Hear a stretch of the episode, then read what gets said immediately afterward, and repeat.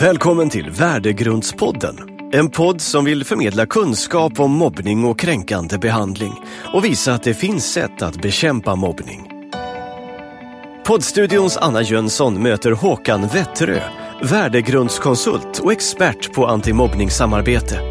Med stor erfarenhet och med kunskap från den senaste forskningen arbetar Håkan aktivt via sitt företag Uppbilda med att föreläsa, utbilda och bryta mobbningsärenden på skolor, föreningar och arbetsplatser. Välkommen till Värdegrundspodden, premiäravsnittet. Både för poddstudion, det här är vår premiär, första podden som vi spelar in och premiäravsnittet för Värdegrundspodden med dig Håkan Wetterö mm. på Uppbilda.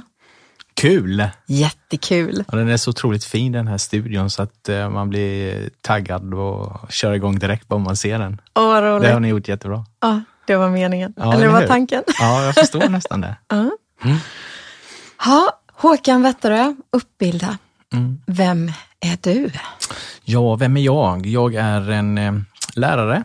Mm. Jag har varit lärare sedan eh, 91 och eh, jag var fritidspedagog och idrottslärare. Så att jag eh, har alltid brunnit för just dessa frågor. Så även under utbildningen i slutet på 80-talet så har jag verkligen känt att mobbning, kränkningar och hur man beter sig mot varandra är någonting som jag brinner för. Mm. För det är det du jobbar med? Ja, just nu är det ju det. Mm. Ehm, jag har ju varit lärare i, i, i 25 år mm. Ehm, och jobbat med dessa frågor på min egna hemskola som jag då kallar det för, men också parallellt eh, utanför min skola då tagit uppdrag för andra skolor och arbetsplatser och idrottsföreningar. Mm. Mm. Hur kom det sig att du började jobba med detta? Ja, egentligen så tror jag jag får skylla lite på mamma och pappa. Aha. Om jag ska vara ärlig. Okay. För att de har, själva varit väldigt noggrann med, med hur man beter sig och, och sån här bit. Så att det, det ligger väl där. Men rent professionellt så känner jag också att det har stor betydelse att man, eh, man märker att man gör skillnad och att det går att ändra på. Så även om mobbning och kränkningar är ett stort och infekterat ämne så, så, så vet jag att det går att eh, förändra. Och det är mm. väl det som inspirerar mig allra, allra mest, tänker jag. Mm. Och att du kände att du ville ta det utanför din egen skola och eh, att, kunna, att du kunde hjälpa fler? Ja, det, det, det blev en liten slump. För eh, på min hemskola då eh, så, så ansvarade jag och ett par till just för att avbryta mobbningsärendena. Men sen så hade jag en, en tränarkollega mm. vars eh, jobbarkompis satt och berättade om hur, hur eh, eh, de var på ett föräldramöte. Mm. Som då sa att det här man hade mobbning på det här föräldramötet, det var ett akut föräldramöte. Och det, då sa han så här bara, men Håkan, kan inte du jobba utanför din skola? Och jag bara, ja, det kan jag säkert. Mm. Men det är ju ganska många år sedan nu. Så, så att, och där, där började det mm. faktiskt. Mm. Och jag kommer ihåg det jätteväl för att eh, måtte jag aldrig få vara med om ett sånt ärende igen. Eh, för det var bedrövligt. Uff. Fruktansvärt. Okay. Samtidigt då efter otroligt mycket jobb och slit och samarbete mm. mellan väldigt många partner så, så, så fick vi ju stopp på det. Mm. Mm. Men det var otroligt. Mm.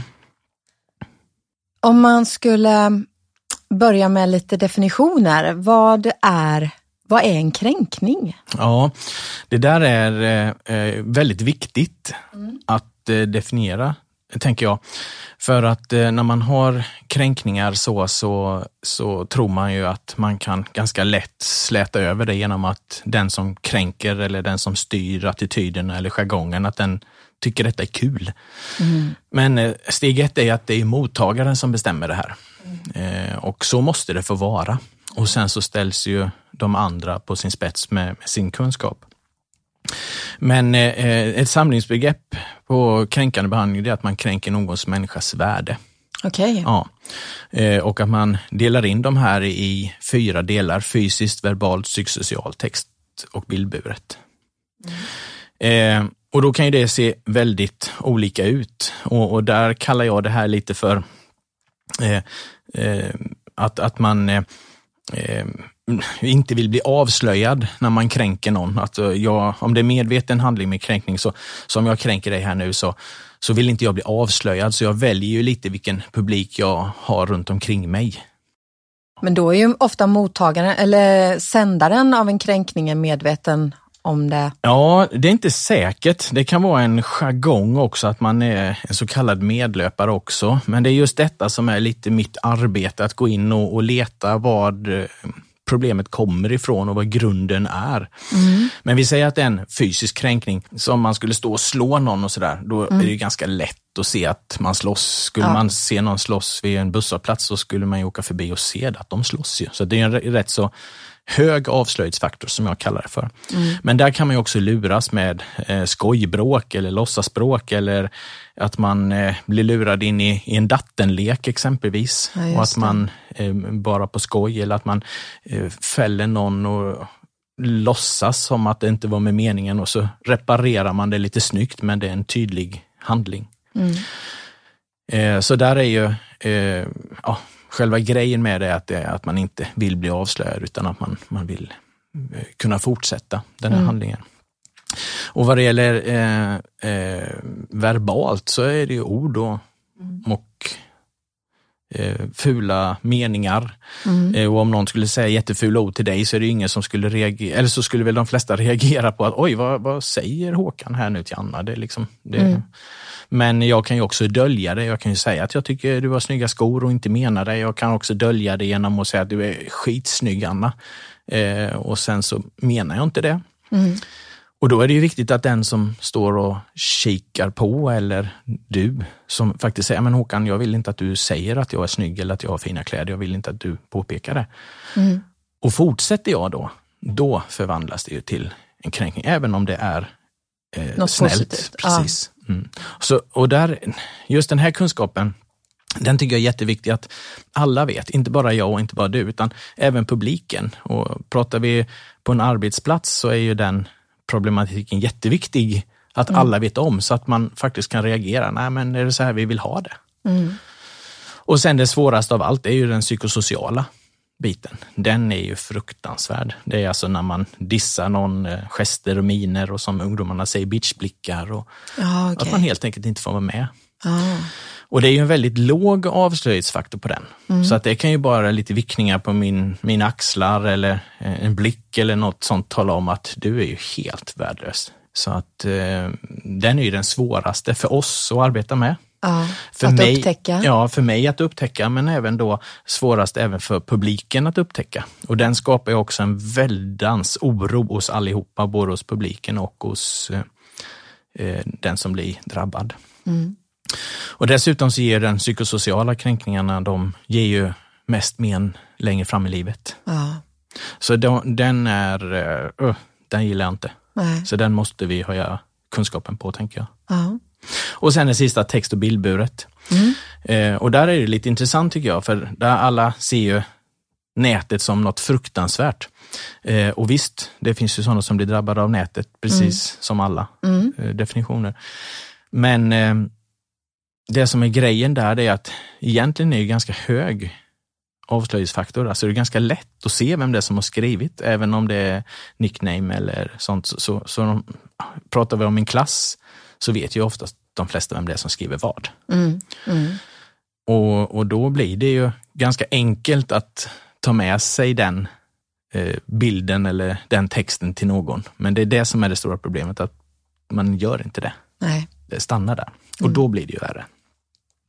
Men eh, tittar vi på gammal traditionell eh, text och bildburet, alltså lappar, klotter, mm. eh, sådana saker, det är ju nästan omöjligt att veta vem det är som Ja, det där som, som skrevs på toaväggen. Exakt, ja. och där har jag faktiskt ett exempel på när, när eh, det skrevs eh, ett flicknamn och, och sen väldigt fula ord med en svart tuschpenna på en eh, vit vägg i en toa. Ja. och det är klart att den är ju jättesvår att avslöja, ändå så är jag helt säker på att ganska många vet vem det är som skriver. Men just i den här storyn så blev det extra jobbigt för där gick eh, eh, flera ungdomar in och, och gjorde tog ett kort och slängde ut på sin story på Snap. Så den spred sig till alla högstadieskolor då. Ja. Och då blir det ju dubbelverkan. Ja.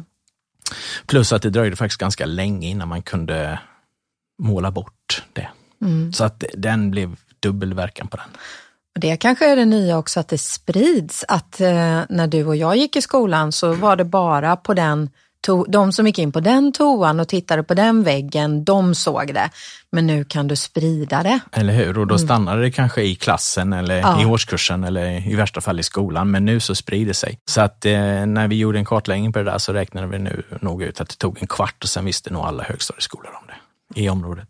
Så att eh, den är sådär snygg. Den är, det är sånt som gör ont i kroppen. Samtidigt då så tycker jag att det här ger en inspiration för där har vi ett case som faktiskt är ganska typiskt och där, där har vi att bita i.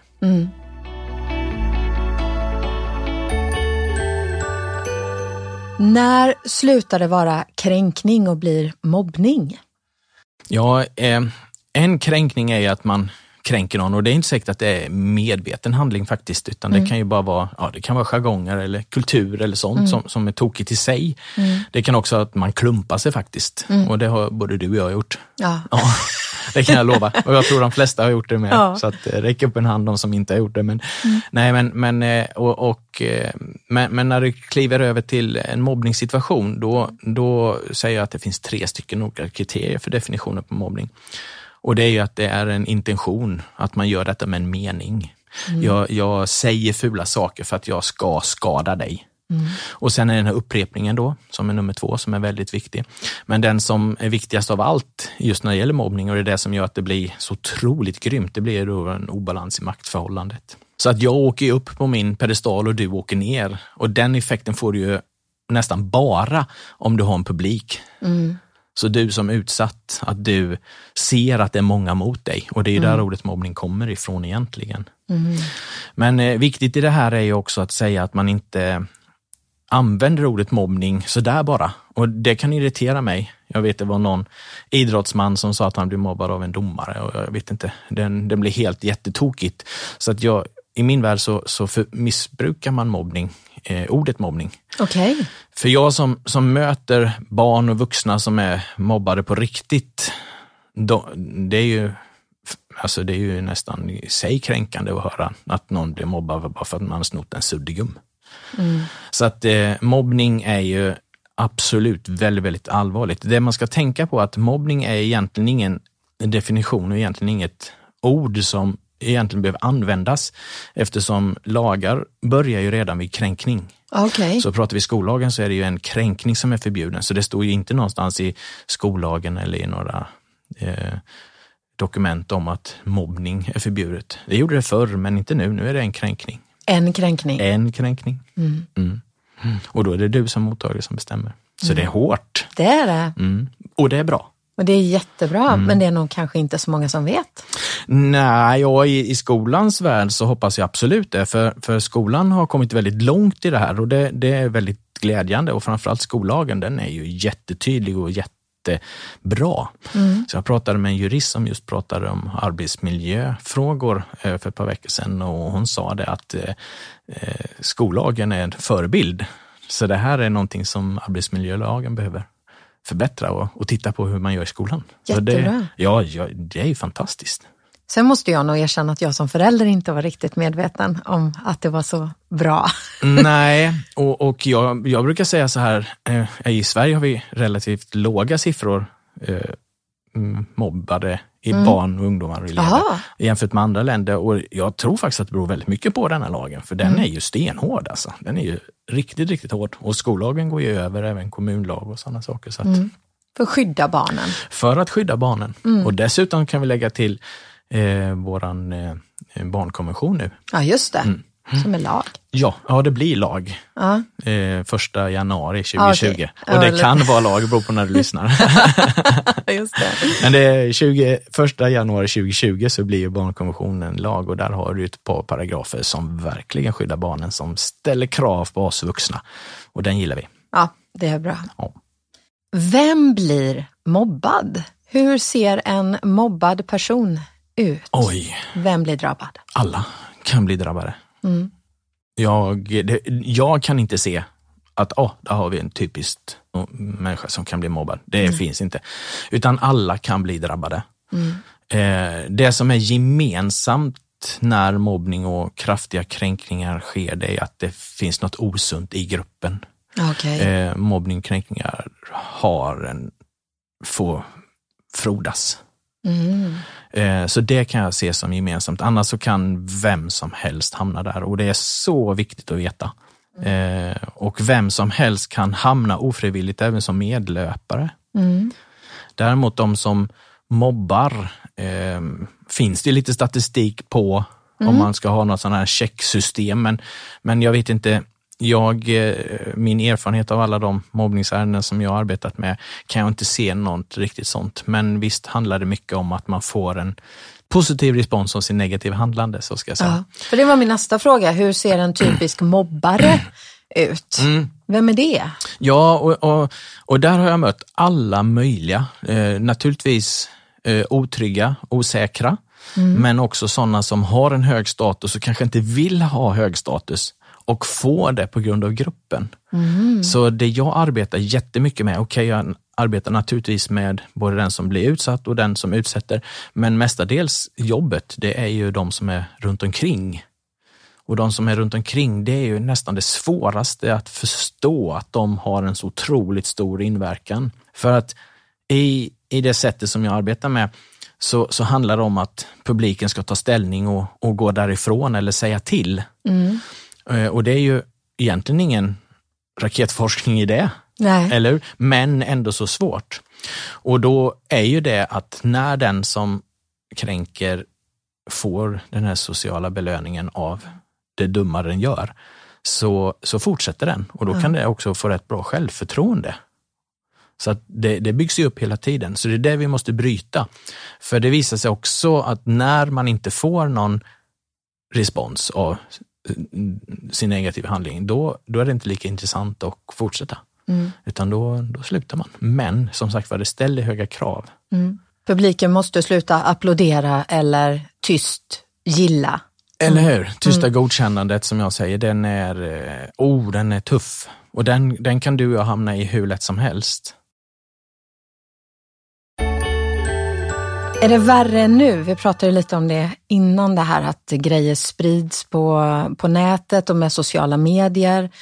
Är det värre nu än när vi växte upp? Mm, nej, jag tror inte det. Mm. Jag tror att det är samma. Det finns flera arenor naturligtvis i och med mm. att eh, nätet eh, har tillkommit sedan du och jag var små. Mm. Eh, men däremot så, så kanske en av de absolut viktigaste delarna att arbeta mot det här, det är att man höjer kunskapen och med mer kunskap så ökar man ju observationen. Mm. Så kunskap är utan tvekan det viktigaste. Men när du ser det och du tar ställning, då, då är det klart att då ser man ju mer. Mm. Och har man mer kunskap nu? Ja, men ta, jag hoppas det. Mm. Eh, ta metoo som, som en, eh, ett exempel. Så, så innan det så så var det nästan accepterat att säga lite sånt, framförallt vi män till kvinnor. Mm. Och nu så, så är det faktiskt ganska många som har tagit ställning emot det här på ett mm. väldigt enkelt sätt. Det är ju inte heller något avancerat. Mm. Eh, och särskilt för mig som har döttrar hemma och en fru så blir man ju liksom ännu mer sådär, det här vill inte jag att de ska vara med om. Eh, och det är klart att eh, när det kommer upp på tapeten och man man diskuterar om det på arbetsplatser och man ser att detta är ett problem och eh, då alla rörelser som sattes igång då 2017. Eh, Så det är klart att då, då blir det ju mer kunskap. Mm. Och då blir man också, nej men man sänker den här nivån vad som är acceptabelt och då det är klart att då ser man ju mer.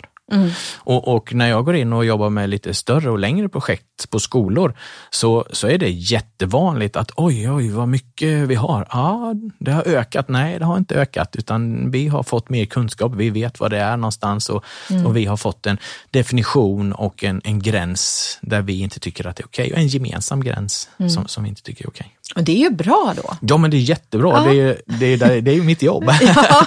mitt jobb är att hitta den här samsynen och den här eh, gränsen så att vi kan ta ett ansvar. Och tittar vi då i skolan så så är det ju elever, vårdnadshavare och pedagoger eller vuxna i skolan som måste ha den här samsynen för vad som är okej och inte okej så att vi pratar liksom samma språk. Mm. Så man kanske ser det som värre, men egentligen är det någonting positivt för man har kunnat definiera, man, man ser de olika områdena och man ser problemen. Ja, ja. ja. Och det är ju första steget att arbeta mot mobbning, det är att man ser det och upptäcker. Mm. Så eh, på de här lite större projekten som jag arbetar med så är det utan tvekan det absolut viktigaste, kunskap hur det ser ut och sen kan vi sätta igång det. För vi kan inte ta tag i något som vi inte vet hur det ser ut eller vad det är någonstans. Det är ju helt omöjligt. Vilka är det som anlitar dig? Eh, ja, eh, det är ju tre kategorier. Det är ju skolor och eh, idrottsföreningar och eh, arbetsplatser. Mm. Vad det gäller idrottsföreningar så har jag ett eh, starkt eh, samarbete med Smålandsidrotten. Mm. Så där har vi en liten visselblåsarfunktion som jag då i både förebyggande syfte men också i akuta ärenden åker ut och hjälper eh, idrottsföreningar. Mm. Och det är ju det är jag väldigt, väldigt stolt över men framförallt så blir jag så glad att det är flera människor som verkligen vill att det här ska bli bättre. Ja. Och då har ju eh, idrottsvärlden skapat den här visselblåsarfunktionen. Men den baseras ju också då på att folk faktiskt tar ställning och inte tycker det är okej. Vågar blåsa. Och vågar blåsa. och det, mm, det är väldigt bra att man kan vara anonym där. Ja. Men eh, sen är det då skolor. Skolor är ju det mesta eftersom Mm. jag då är lärare, men också mm, arbetsplatser. Och arbetsplatser är det ju eh, ganska mycket förebyggande syfte eller arbete. Att man Mm. arbetar med utbildningar och workshops och kanske storföreläsningar, inspirationsföreläsningar och sånt. Mm. Eh, Och det tycker jag är väldigt kul. För där märker man att man tror att mobbning och kränkningar tillhör skolan men inte arbetsplatsen. Där är vi fortfarande. Okej. Ja. Men sen när det gäller skolor så är det i stort sett vilka skolor som helst. Mm. Eh, bilen går många mil om året. Mm. Eh, men generellt så kan jag känna att det är skolor som vill. Mm. Som, och det, det behöver inte vara skolor som har jätteutmaningar utan det, det kan vara skolor som, som verkligen vill bli ett snäpp bättre. Det här är någonting som vi vill eh, jobba med. Ja. Men eh, tyvärr hamnar man ju då också i allt för ofta situationer som är riktigt, riktigt tuffa. Väldigt, väldigt, väldigt tuffa. Ja, där du kommer in när det redan är, eh, inte för sent såklart, men att det har gått ganska långt. Mm, nej, tack och lov har jag aldrig varit med om när det är för sent. Nej. Och det hoppas jag inte jag behöver vara med om, för det händer ju faktiskt att eh, ungdomar avslutar sitt liv på grund av det här. Ja. Men där har jag inte, dit har jag inte kommit än, tack och lov. Men eh, absolut att, att man eh, eh, kommer i akuta lägen då, då man helt enkelt inte har hittat en metod. Och då kom jag in som tredje part. Mm. Då, och gemensamt är oftast att man inte snackar samma språk eller inte har samsyn, skolan och eh, föräldrar eller vårdnadshavare. Då. Mm. Så att det där är egentligen bland de första grejerna. Och då återigen, då måste vi ha en definition på det. Vi måste veta när vi ska säga till och vad som är okej eller inte. Och där kommer också vår skollag in. Vi i skolan måste ju arbeta på ett strukturerat sätt. Mm. Och tack och lov för det, för det är ju jätte, jättebra. Men eh, eh, jag kommer också in till skolor som, som känner att de är duktiga och vill ha, ha den där lilla påfyllningen. Så att det, det är alla sorter. Men Hur skulle som- du säga att ett typiskt uppdrag ser ut? Nej, men ett typiskt uppdrag, eh, vi säger att det är ett akut ärende. Eh, så så då, då ringer någon. Det kan vara en kurator eller en eh, rektor. Men det är ofta en skola då? Ja, en skola. Ja, vi kan ta skola först som exempel. Eh, och den här skolan då ringer och kollar om, om det här är ett uppdrag som jag kan ta. Jag hade faktiskt ett sånt samtal igår kväll. Mm, efter att du hade träffats. Eh, och då berättar de lite kort hur det ser ut. Och då så får jag liksom avgöra, det här är ett case för mig. Och så säger jag ja, det här kan vi hjälpas åt med. Då vill jag träffa berörda arbetslag, skolledning, kurator och alla som har information om situationen. Och utefter det så gör vi upp olika strategier. Och en av de vanligaste strategierna är att jag hoppar in i klassrummet och observerar en par, tre dagar. Alltså jag finns inte. Hade jag kunnat klä ut mig till en eh, fluga så hade jag gjort det. Så då sitter jag och tittar. Jag hjälper inte till, jag är inte lärare, jag är ingenting, utan jag bara observerar. Och eh, eh, ser lite hur, hur det fungerar. Hur är samspelet mellan pedagoger och elever? Hur beter sig eleverna? Hur är upplägget? Hur tar man sig ur klassrummet? Hur går man in? Hur ser matsalskön ut? Hur ser det ut i, i eh, tamburen? Hur ser det ut ute på rasterna? Eh, är pedagogerna medvetna om var problemet ligger? Och sen hjälper man till att eh, justera sådana små saker som då kan vara helt och hållet avgörande. Det kan också bli så att man har ett föräldramöte eller föräldrautbildning då mm. som är viktigt för att få den här samsynen så alla föräldrar vet hur vi arbetar. Eh, och utefter det så, så får vi väldigt mycket hjälp i skolan när skolan och eh, vårdnadshavarna då eh, tänker och tycker samma sak. Och ibland så har jag då även samtal med elever, allvarliga samtal för att mm. bryta de här eh, kränkningarna. Mm. Eh, och väldigt ofta så har jag även eh, individuella samtal med elever och eh, vårdnadshavare. Hur lång tid tar ett sånt här uppdrag? ungefär? Oh, det är nästan hur långt ett snöre. Ja, okay. ja, faktiskt. Eh, ibland så går det förvånansvärt fort, mm. som jag själv inte förstår. Oj, vad var det som gjorde att det här gick snabbt? Mm. Och ibland så förstår jag inte riktigt varför vi inte får ordning på det. Okay. För eh, i, ibland är det faktiskt att det tar tid. Mm. Eh, så att eh, det är inte ovanligt att det ligger någonstans mellan 100 timmars arbete. Oj. Mm. Ja. Men eh, jag har ett exempel här nu sen i höstas här. Eh, det gick väldigt, väldigt fort. Mm. Och det tror jag, nej jag tror inte jag vet, att just samsynen där blev ja. totalt och framförallt att, att föräldrarna förstår att det här är allvar. Mm. Särskilt föräldrarna till det barnet som kränker, att det här måste läggas av med. Och där mm. har jag en viss teknik och en liten mall som vi arbetat efter som, som presenteras. Mm. Samsyn är någonting du kommer tillbaka till. Mm, hela tiden. Ja. Kan du utveckla lite? Nej, men det, det, är ganska roligt. Eh, jag får väldigt ofta den frågan. Mm. Säg någonting som är viktigt i ditt arbete och det är samsyn. Alltså, mm. vi måste veta regler, vi måste ha gränser, vi måste vara medvetna och vi måste då ha även strategier på att när det sker, inte om det sker, för det sker, mm. när det sker, hur gör vi då? Ja. Eh, vi säger en arbetsplats, att det sker någonting i framför diskmaskinen. Någon mm. säger något drygt till någon, mm. kanske roligt, skoj, och så står det flera stycken och skrattar. Mm. Så måste ju publiken då ha kunskapen och samsynen och kanske antingen gå dit och säga till, ah, men det där har vi bestämt att vi inte kör, lägg mm. ner. Mm. Och vill man inte det så, så är det ju alldeles utmärkt om man talar om det för någon och då måste ju det finnas en en ordning så att ser jag detta och jag inte vill gå in och bryta så måste jag gå till eh, en, eh, en chef. Mm. Och så måste den i sin tur ha en rutin och ta emot detta meddelandet på rätt sätt. Mm. För om inte det tas emot på rätt sätt och man inte priar det, att man inte, alltså man inte prioriterar det, då, då försvinner ju den visselblåsarfunktionen ganska snabbt och då frodas ju dumheterna. Mm. Så att eh, ledarna då, eh, arbetslagsledare eller chefer eller sånt har ju ett otroligt ansvar för detta och det är ju där grunden läggs. Mm.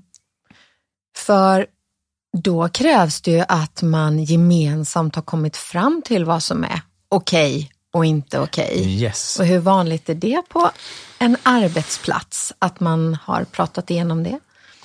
Oj, det skulle jag vilja ha statistik på. Ja. Men eh, även om man känner att man är duktig i det här så tror jag hela tiden det är så alltså att man kan bli bättre. Mm. Sen är det lite som konditionsträning, brukar jag jämföra med, att vi kan inte sluta.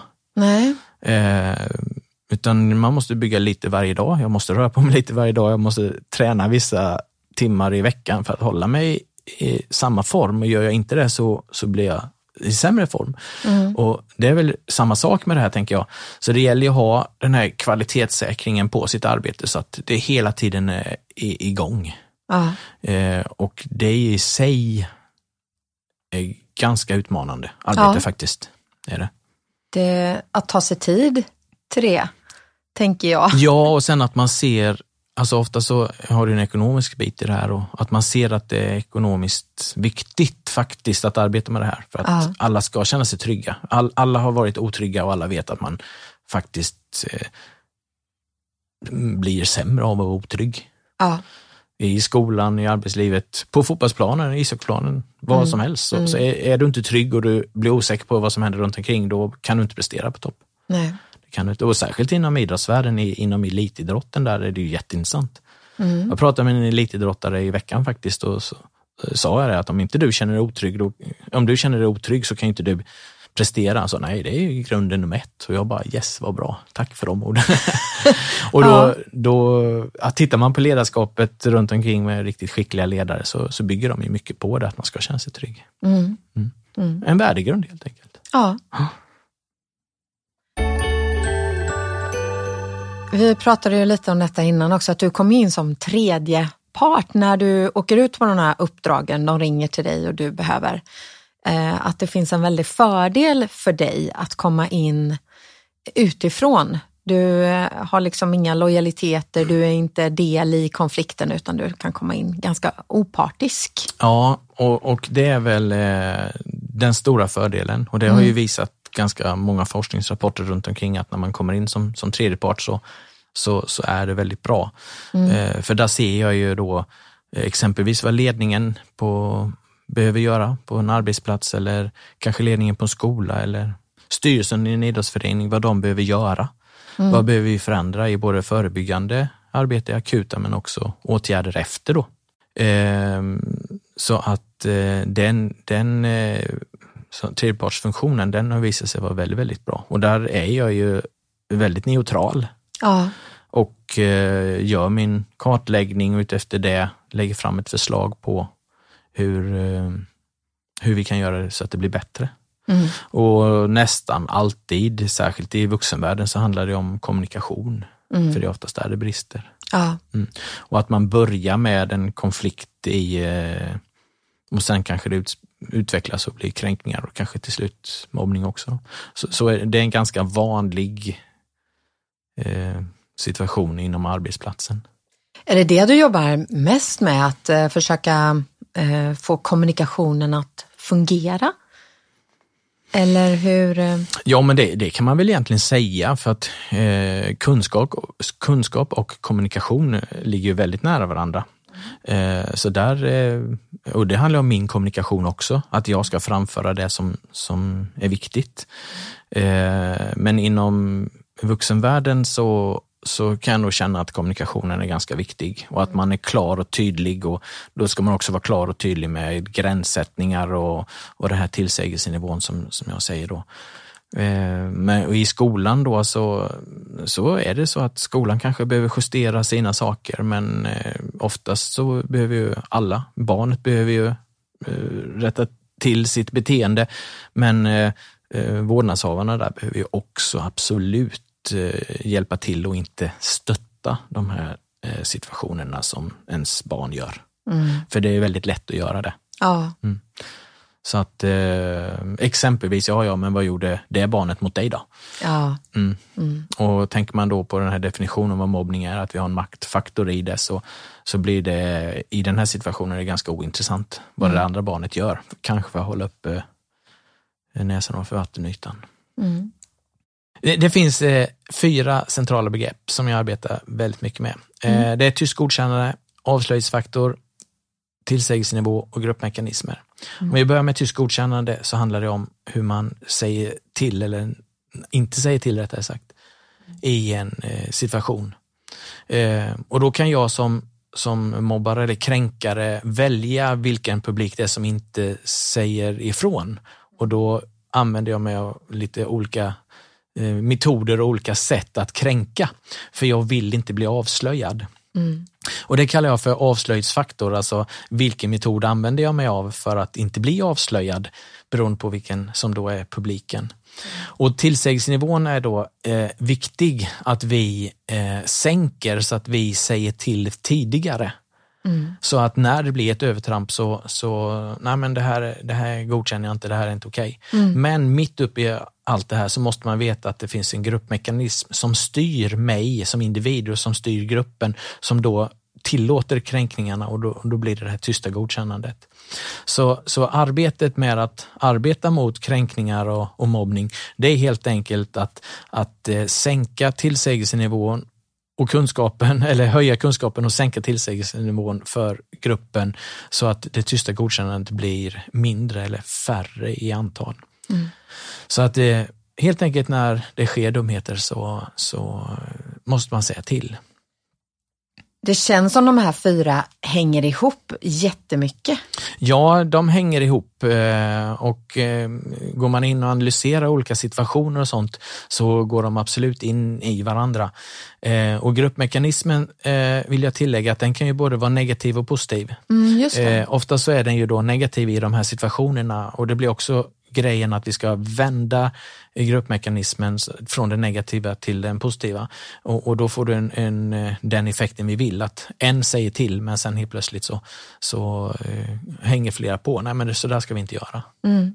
Och så. ändrar du tillsägelsenivån i gruppen så blir det ju kanske inte lika mycket tyst godkännande. Det är precis, precis det det handlar om. Mm. Eh, och eh, det är ett ganska vanligt arbete jag gör när jag är eh, på skolor och eh, eh, arbetsplatser. Att eh, vad är okej okay och vad är inte okej? Okay? Så att man höjer den medvetenheten så man sänker eh, tillsägelsenivån så att man helt enkelt säger till tidigare.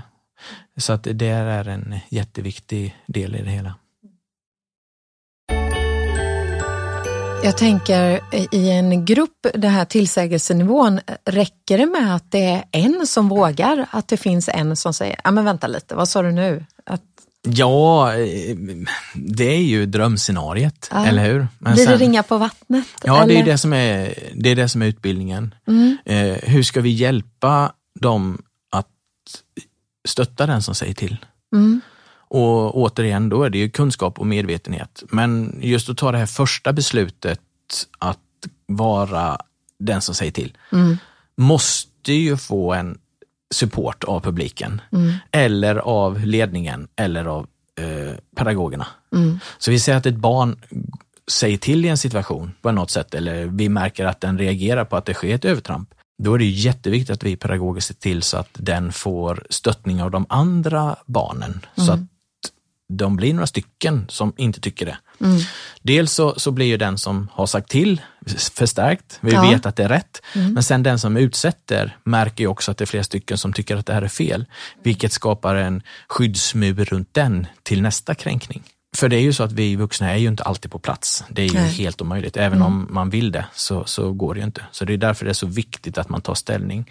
Och det är det som också är så viktigt att detta gäller alla. Mm. För de barnen som inte är involverade i det här, de har de kunskaper av det här så, så kommer ju de upp och hjälper till när någon har sagt dumheter. Alltså hjälper till att stödja. Och man, ja. Det är inte svårare än att bara gå dit eller gå därifrån eller eh, vrida på huvudet. Så det är ganska enkla metoder. Men... Ja, att man får positiv bekräft eller förstärkning på det också då. Yes. Att eh, där gjorde du bra, liksom ja, att du ja. sa ifrån och då kanske man, det är fler som vågar. Ja göra det i gruppen. Och då får vi ju en, en, eh, en känsla av att, att, det, att det, det, funkar och sen så kan de vara flera stycken. Det är nog så viktigt att de är flera stycken som, som eh, går till en vuxen. Att mm. gå själv till en vuxen kan vara lite tufft och svårt mm. och så. Mm. Då kanske man blir skvallris eller så, även om man har all rätt i världen. Men är du en fyra, fem stycken som går till en vuxen, då är det genast lättare. Ja. faktiskt.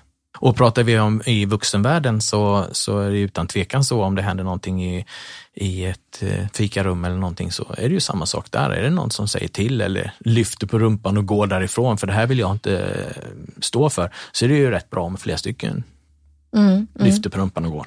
Ja. Vi säger att man skulle, förhoppningsvis mot förmodan, men att man skulle hoppa in på rasistiska kommentarer runt ett matbord. Mm. Ska jag sitta och lyssna på detta? Ska jag säga till? Nej, jag vill inte säga till, men då kan man faktiskt gå därifrån. Mm. Och i värsta fall så kan man faktiskt ljuga. Ja. ja, men jag är kissnödig, jag måste gå. Ja, just det. ja, du behöver inte alls vara kissnödig. Nej. Nej. Eller så ringer det och så är det ingen som ringer, utan jag vill inte vara där. Nej, jag lämnar. Ja, mm. Det som är viktigt sen, det är väl kanske, kan jag känna att man faktiskt eh, står för det man gör. Alltså, mm. det här tycker inte jag är okej okay. och då är det alldeles utmärkt att tala om det för, för eh, en ledning. Mm. Och Det bästa är om man säger det till gruppen, men det har jag full respekt för om man inte orkar eller vågar eller så. Det finns mm. många olika parametrar för det. Och tänk dig själv om du blir utsatt för dumheter och, och du får en klapp på axeln och säger det där stöttar inte jag, märkte du att jag gick? Mm. Oh, den är viktig ska du veta. För ja. sådana små enkla gester gör ju att det byggs upp en liten skyddsmur runt den också. Mm. Och framförallt så sker det igen då, så ser ju, då kan ju den titta på den som tagit ställning förra gången. Mm. Och så kan ju det byggas upp lite magic där. Ja. Så det finns rätt mycket strategier, ganska enkla strategier för att man ska lyckas med det här. Ja. Ändå så är det så extremt svårt. Det är det som förbryllar mig lite.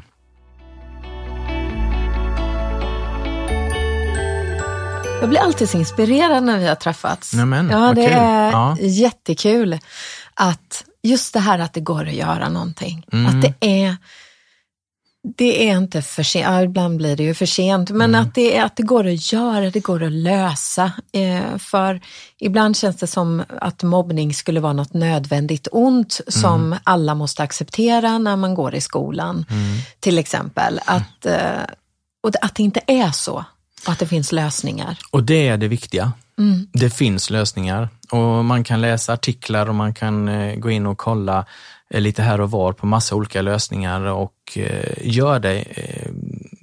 Arbeta med det, var nyfiken, mm. se till så man hela tiden förnyas och, och, och bli aldrig nöjd. Och hela tiden uppdateras. Det finns ganska mycket forskning ändå jämfört med vad det för, fanns förr. Mm. Så finns det rätt mycket forskning och, och Eh, men man måste brinna för det, man måste ha lite tålamod. Och jag, jag blir glad att, jag, att du säger att jag inspirerar dig, för, för det är mitt jobb. Mm. För jag vill inspirera, jag vill tagga igång människor och jag vill eh, ge hopp att, att sådana här saker går. Och jag, jag är så kaxig och säger att det går. ja. ja, det gör det. Eh, vissa ärenden kanske inte eh, man är riktigt lika nöjd med, men anledningen till att man inte är riktigt nöjd med det, det är att man har fått avsluta det för tidigt. Ah, att okay. det är helt, helt enkelt pengarna tar slut. Ah. Och då blir man ännu mer så. Ah. Mm. Ah. Men eh, ge det tid och att man gör uppföljningar och att man är noggrann med uppföljningarna och att man har strategier så, så då, då kommer vi långt på vägen. Kul. Mm. Vad ska vi prata om nästa gång? ja, vi kanske man... måste suga på den. ja, kanske det, men, men jag kan mm. säga så här att listan jag har skrivit ner vad jag vill prata om här, den, den är lång. men eh, vi har ju eh, nätet som vi måste eh, nämna naturligtvis. Mm. Vi eh, måste gå in lite mer på gruppmekanismer. Uh -huh. jag tänker att vi måste gå in lite mer på hur, hur du som individ kan tänka. Mm. Både som eh, tioåring men också 50-åring på en okay. arbetsplats. Så att det skiljer inte jättemycket faktiskt. Att man inte ska ge det här tysta medgivandet? Det är väl lite ja. det det handlar om. okay. Och om jag ska vara riktigt ärlig, det här tysta godkännandet, i min värld är det så viktigt så att jag tror faktiskt inte att metoo hade uppstått om alla hade varit noga med att säga till att nu har vi gått över en gräns. Förmodligen inte. Förmodligen, för jag tror att de flesta sådana situationer så har du en publik som faktiskt godkänner. Mm. Vilket innebär att det är nog rätt många som mår lite dåligt med oj vad har jag stått och stöttat. Mm. Eh, och sen så har vi då naturligtvis hur man som förälder ska tänka, mm. i både när man blir utsatt och utsatt eller om jag har ett barn som blir utsatt eller om jag har ett barn som utsätter. Det är inte så himla roligt det heller. Nej. Och sen lite kanske hur man ska arbeta i idrottsförening och mm. kanske lite mer hur case ser ut så att jag har många tankar i det här. Ja, Det är ju, ja, men det är ju det, det är värdegrundspodden, det finns så mycket. Ja, och det, titeln där är väl ganska bred, tänker vi. Mm. Eller hur? Ja, det gör vi. Mm. Kul! Mm, vi har mycket att se fram emot. Mm. Jag blir nyfiken redan nu. Ja, ja, jag hoppas att det kan skapa lite nyfikenhet och framförallt det kan spridas lite kunskap. Mm. För det är inte så svårt. Men otroligt utmanande. Tack Håkan för idag. Ja, tack själva. Jag sitter här och njuter av er fina studio så att eh, det här är riktigt kul. Ja, då ses vi nästa vecka. Det gör vi. Ja. Ha det gott. Hej. Hej då.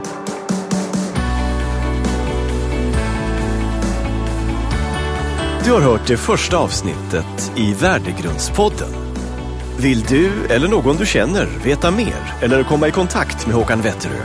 Besök Håkans hemsida uppbilda.se.